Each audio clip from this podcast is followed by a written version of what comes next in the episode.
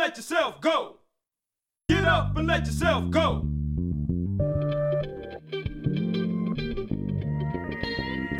Dette er en podkast fra Tro og tvil. I denne astronomipodkasten vil vi ta for oss ting som har med verdensrommet, astronomi og kosmologi å gjøre. Mitt navn er Jon Arne Carstensen. Du finner oss på www.astronomi.info eller www.trotvil.no. Der finner du også en tekstversjon av disse forskjellige artiklene som vi tar opp i podkasten, og en del bilder og annet snacks.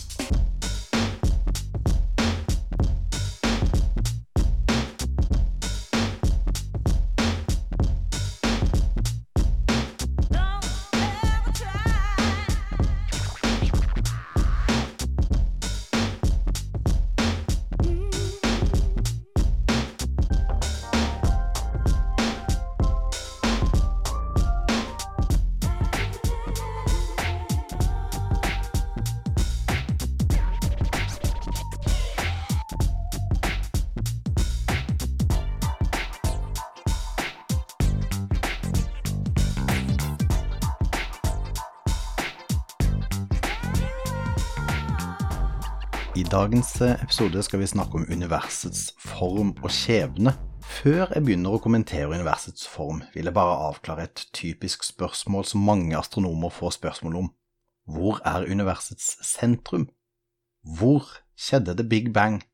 Spørsmålet er egentlig tilsvarende som å spørre om hvor en fotball sin utvendige overflate har sitt sentrum. Da tenker jeg ikke på sentrumet inni fotballen, bare den derne flata utpå. Er sentrumet der?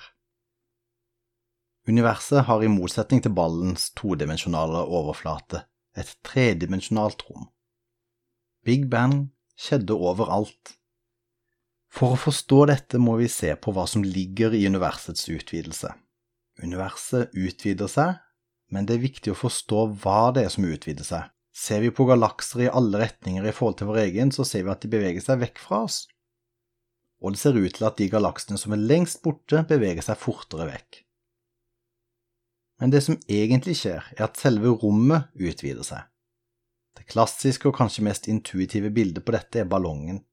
Tenk deg at du har en ballong som du tegner inn mange prikker på. Prikkene er materien. Si for eksempel at hver prikk er en galakse. Om du blåser opp ballongen, vil prikkene komme lenger vekk fra hverandre på grunn av at ballongen utvider seg men det er ikke på grunn av at prikkene flytter seg. Dette er en av hovedtenkningene innen astronomien som er ganske fjern og, og eh, litt langt borte fra den daglige intuitive tenkninga vi har. Men for å henge med på kosmologien så må en skjønne dette konseptet. For bare to tiår siden trodde kosmologene at universets skjebne ville avhenge av dets geometri altså av selve formen på tidrommet. En lurte på om det var en lukka geometri, som da ville medføre at universet ville stoppe ekspansjonen gradvis og så trekke seg sammen igjen. Et annet alternativ var at universet har en åpen geometri, som vil medføre en uendelig ekspansjon, og tredje scenario var en flat geometri som ville gjort at ekspansjonen ville omtrent stoppe, men ikke gå sammen igjen. De modellene har vi illustrert på nettsida vår. Men så må vi huske at dette igjen det er bare en todimensjonale eh, illustrasjoner av et tredimensjonalt rom. Det er flere modeller som brukes i forhold til universets form. Den kanskje mest brukte er Friedmann Lematré Robertson Walker-modellen, men dataene så langt passer også til flere andre, som eksempel Picards modell. Fremdeles kan en ikke slå fast om universet er uendelig eller endelig, og om det er endelig, hvor stort det er. En vet at det ikke kan være uendelig og alltid ha vært der, ut fra observasjonene og ut fra Olberts paradoks, som jeg har nevnt tidligere. Hadde det vært uendelig i tid og rom, så hadde hvert punkt vi hadde studert på himmelen, ført oss til en stjerne, og himmelen hadde vært skarpt hvit overalt. Siden lyset har en gitt hastighet, kan det tenkes at lyset fra stjerner veldig langt unna bare ikke har kommet her ennå, og det kan dermed i teorien ha uendelig rom. Men om du skulle vært uendelig, får dette flere konsekvenser, og vi har da også noen grunnleggende problem, som hvordan noe med ett startpunkt kan ha utvidet seg til noe uendelig på en ikke-uendelig tid.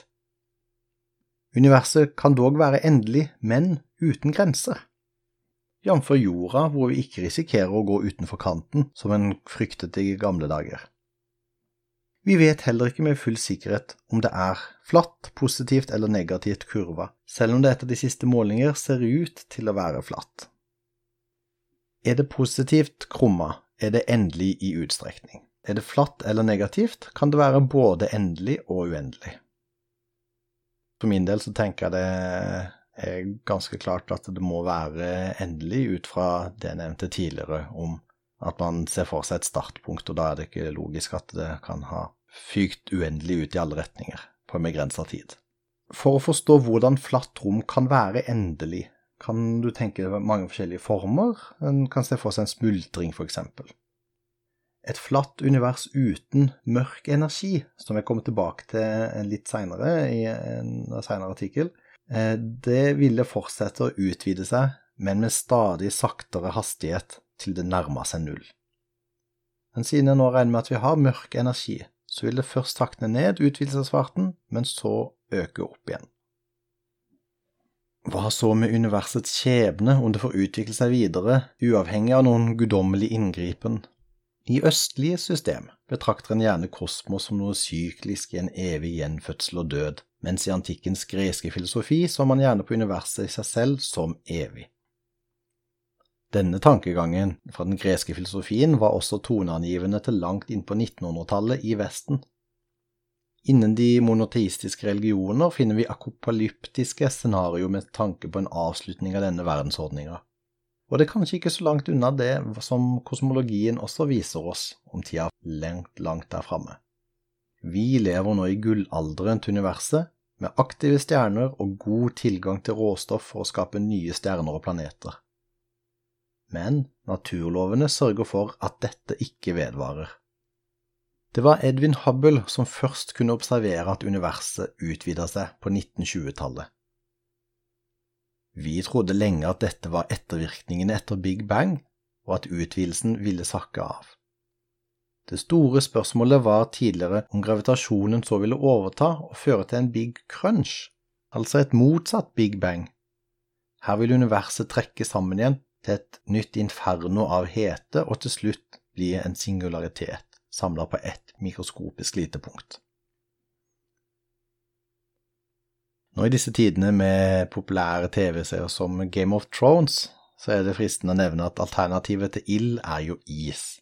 Om gravitasjonen var for svak til å trekke sammen universet igjen, så ser en for seg at universet til slutt ville ende i en big freeze.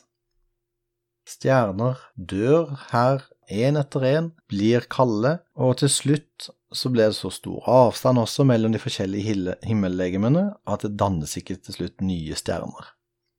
Temperaturen synker i universet, og til slutt ender vi bare opp med kalde objekter på himmelen og et annet svart hull.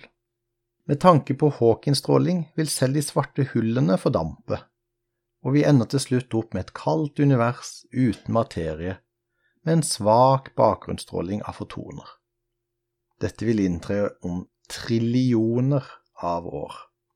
Det antydes at fordampningen av supermassive svarte hull vil ta et Google-år å gjennomføre, vil si én med 100 nuller bak. VMAP-resultatene gjorde at astronomene anså universet å være omtrent eller helt flatt. Så kom forståelsen rundt mørk energi som forandra mye i 1998. Målinger viser at rommet utvider seg raskere enn tidligere. For fem milliarder år siden begynte utvidelsen mellom galaksene å akselerere. Dette kobles så til en variant av mørk energi kalt eh, fantomenergi. Fantomenergien er en frastøtingskraft, en antigravitasjonskraft, kan vi nesten si. Med disse observasjoner og spekulasjoner fikk vi en helt ny faktor i forhold til universets framtidige skjebne. En del lurte nå på om det er det Big Rip som er det mest realistiske alternativet for universets død. Denne teorien ble lansert i 2003 av Robert Caldwell, og her tenker en at kanskje ødelegges alt gjennom den store riften, hvor planeter og galekser blir revet i småbiter, og selv atomkjernene blir revet opp, og alt blir til slutt en singularitet. Dette kommer av kreftene hvor universet stadig utvider seg med en akselererende hastighet. For vi observerer nemlig at universets utvidelse stadig øker. Vi vet ikke hvorfor det gjør det, og tilskriver dette mørk energi, som vi kommer tilbake til seinere. Men det er altså krefter utover Big Bang som drar universet utover. Om dette fortsetter å akselerere som nå, vil til slutt alt bli revet i stykker. Først vil vi se det ved at galaksehopene om noen milliarder år vil gå fra hverandre. Når? Da vil vi trenge å få bedre målingstall, men vi opererer med anslag på fra 22 til 55 milliarder år fram i tid. Så rundt en milliard år før dommedag i The Big Rip, så vil også galaksene spres fra hverandre i de som er den lokale galaksehopen. Vi vil altså da ende opp med å bare se utover vår egen galakse når vi kikker opp på stjernehimmelen. 60 millioner år før D-dag vil solsystemene i den enkelte galakse løsrives fra hverandre så vil de enkelte planetene forsvinne fra hverandre noen måneder før slutten, og i de siste minuttene så vil ikke gravitasjonskreftene holde planetene samla engang heller, og de vil bli revet i filler. Til slutt vil selve atomene rives opp et tiendedels billiondels billiondels sekund før the big rip, og på null vil selve tidrommet kollapse i en singularitet. The big rip avhenger av at mørk energi blir sterk nok til å overkomme de andre naturlovene, og de fleste vitenskapsfolk tviler på at det har denne egenskapen, og tror bare den vil øke tomrommet mellom galaksene. De fleste kosmologer har altså i dag en knapp på the big freeze, eller the big chill kalles det også, ut fra de målingene vi har av masse og ekspansjon. Big Crunch har nok færrest støttespillere sånn som det er nå, da data ikke tyder på at gravitasjonskreftene igjen vil få samla sammen universet til en ny singularitet. På tampen så vil jeg kort nevne en modell om universet uten ende, ikke fordi det er spesielt anerkjent eller velbegrunna i forhold til andre kosmologiske modeller, på mange måter snarere tvert imot, men fordi det er blitt så allment popularisert gjennom Hawkins forfatterskap. Stephen Hawking har gjort veldig mye bra for astronomien og naturvitenskapen, ikke minst i forhold til arbeidet hans med sorte hull. Men som kosmolog så er jeg nok litt mer lunken. Men Hartle og Hawking har lagd en modell hvor de ved hjelp av imaginære tall fjerner singulariteten fra the big bang. En ser da for seg universets utvikling som en ball hvor eh, toppen er the big bang. Universet er endelig, men uten et startpunkt. For at flere skal henge med, så må jeg kanskje forklare et par begrep kort. Imaginære tall er et konsept fra kvantemekanikk og spesiell relativitet, hvor vi lager imaginære tall til å forklare kvadratroten av minus 1, minus 2 osv. Her behandles tid også da som noe med to retninger. Venstre til høyre-aksen er fra fortid til fremtid, og så har vi opp og ned, som er den imaginære tiden. Blander vi imaginære tall og vanlige tall, får vi hva som kalles komplekse tall. Sum over histories er det engelske begrepet for kvantefysikken i forhold til at en partikkel snuser ut alle veier for å bevege seg fra et område A til B. Det er et komplekst tall som eh, viser sannsynlighetskurven til partikkelen for å velge en bestemt vei. Ved å bruke imaginære tid i kvantefysikk kan vi få en beregning i forhold til en eh, partikkels sum of histories. I spesiell relativitetsteori i kosmologien ser vi hvordan tid og rom henger sammen, og der kan tid uttrykkes som hvor distansen eh, lyset reiser i et gitt tidsrom. Singulariteter har masse energi konsentrert på et mikroskopisk område, og energi krummer tidsrommet. Så ved det big bang tilsier dermed klassisk fysikk at tidrommet var som såpeskum hvor kausalitet brøt sammen. Tidrommet krumma seg på seg selv og forma ormehull, og dermed så mister vi vår vanlige forståelse av tid med et før og etterpå. Det, mye av det mister mening. Tanken til Hartle og Hawking er at tid og rom kan veksles inn og ut, og at imaginær tid her på et tidspunkt er virkelig fysikk, slik at når universet starta, var tiden en del av et euklidisk rom hvor ingen punkt definerer tidens begynnelse. De ser for seg at tid-rom i starten bare var romlig, og at det er meningsløst å snakke om en begynnelse for universet. Mange kritikere vil påpeke dette som feil bruk av matematikk over i fysikkens sfære, og andre igjen omtaler dette som ordspill, da vi uansett snakker om et startpunkt også for når rom i så fall ble gjort om til tid. Med dette så tror jeg avrunder eh, dagens episode. Jeg vet at dette her begynner å bli ganske krevende å henge med på for eh, noen.